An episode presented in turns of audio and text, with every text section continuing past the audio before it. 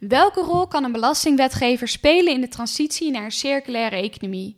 Die vraag vroeg Marco Veerman van Contactus Belastingadviseur zich af toen hij een column voor Nexens aan het schrijven was. En deze ga ik voor jullie oplezen. Denk je nu na het luisteren van deze podcast, ik wil wel meer van dit soort columns lezen? Neem dan ook eens een kijkje op nexens.nl. Hey, wat leuk dat je weer luistert naar Fiscaal Fris, de podcast voor fiscaal professionals. Ik ben Nancy van Bemmel, van de redactie van Nextens.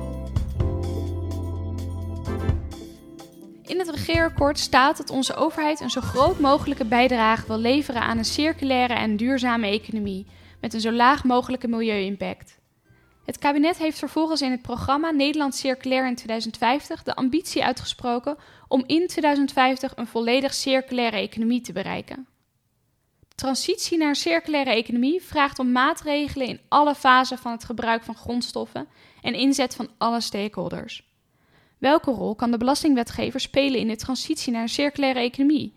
En waar moet je in dit kader belasting heffen in de productieketen? Marco beschrijft dat de productieketen vier fases kent, namelijk grondstofwinning, bewerking van grondstoffen tot bruikbaar materiaal of halffabrikaat en tot eindproduct, het gebruik van het eindproduct en de afvalfase. De afvalfase bestaat dan weer uit storten, verbranden, dumpen of recyclen. De milieuschade bij grondstofwinning is zeer beperkt en biedt weinig aanknopingspunten voor een effectieve belastinggrondslag. Belastingbeleid om milieuschade te reduceren is het meest effectief bij de bewerking van grondstoffen, waarbij de schade wordt beprijsd met een belasting op de fossiele energiedragers van het productieproces. Een belastingprikkel heeft een groter milieueffect wanneer deze aangrijpt op de input dan op het geproduceerde product. In het eerste geval wordt namelijk de producent aangespoord om over te gaan op innovatieve productiemethoden. De huidige heffingen en regulerende belastingen drukken echter voornamelijk op de consument. Belastingen op de aanschaf van eindproducten door consumenten zijn weinig effectief voor het beprijzen van milieuschade.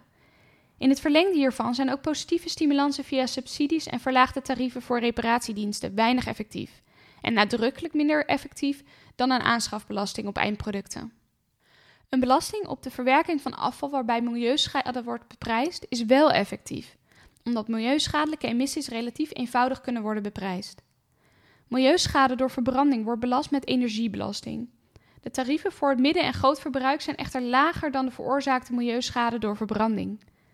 Het voorstel van onze columnist Marco is om de tarieven van de energiebelasting voor het midden- en grootverbruik te verhogen. Tegelijkertijd dienen compenserende maatregelen genomen te worden om de gemiddelde belastingdruk van het bedrijfsleven niet te laten stijgen. Het tarief van de BTW of vennootschapsbelasting kan verlaagd worden. Sterk gerelateerd aan innovatiebeleid spelen de belastinginstrumenten een rol bij de investeringskeuze door bedrijven. Het belastingstelsel ontmoedigt in zijn algemeenheid investeringsbeslissingen. De overheid probeert de verstorende werking van het belastingstelsel op investeringen te compenseren. Voor investeringen die gunstig zijn voor het milieu zijn extra faciliteiten opgenomen, zoals de milieu-investeringsaftrek, de energie-investeringsaftrek en de willekeurige afschrijving milieu-investeringen. In 2019 is er in totaal 139 miljoen euro beschikbaar voor de eerste twee genoemde maatregelen. Nieuw op de Milieulijst 2019 zijn circulaire gebouwen met secundaire grondstoffen, een materialenpaspoort en lage CO2-uitstoot. Gezien de huidige politieke en maatschappelijke ontwikkelingen rondom circulaire economie is de huidige belastingwetgeving niet toereikend.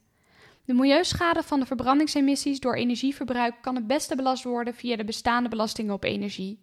Wanneer fossiele brandstof direct als grondstof wordt ingezet, kan met aanpassingen van de bestaande belastingen op energie tegen betrekkelijk geringe uitvoeringskosten al veel van de veroorzaakte milieuschade worden beprijsd.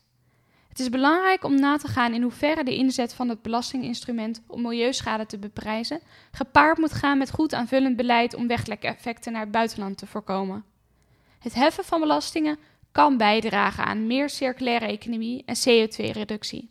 Al dus Marco Veerman. Bedankt voor het luisteren naar deze column. Volgende week zijn we weer met een nieuwe podcast. Graag tot dan.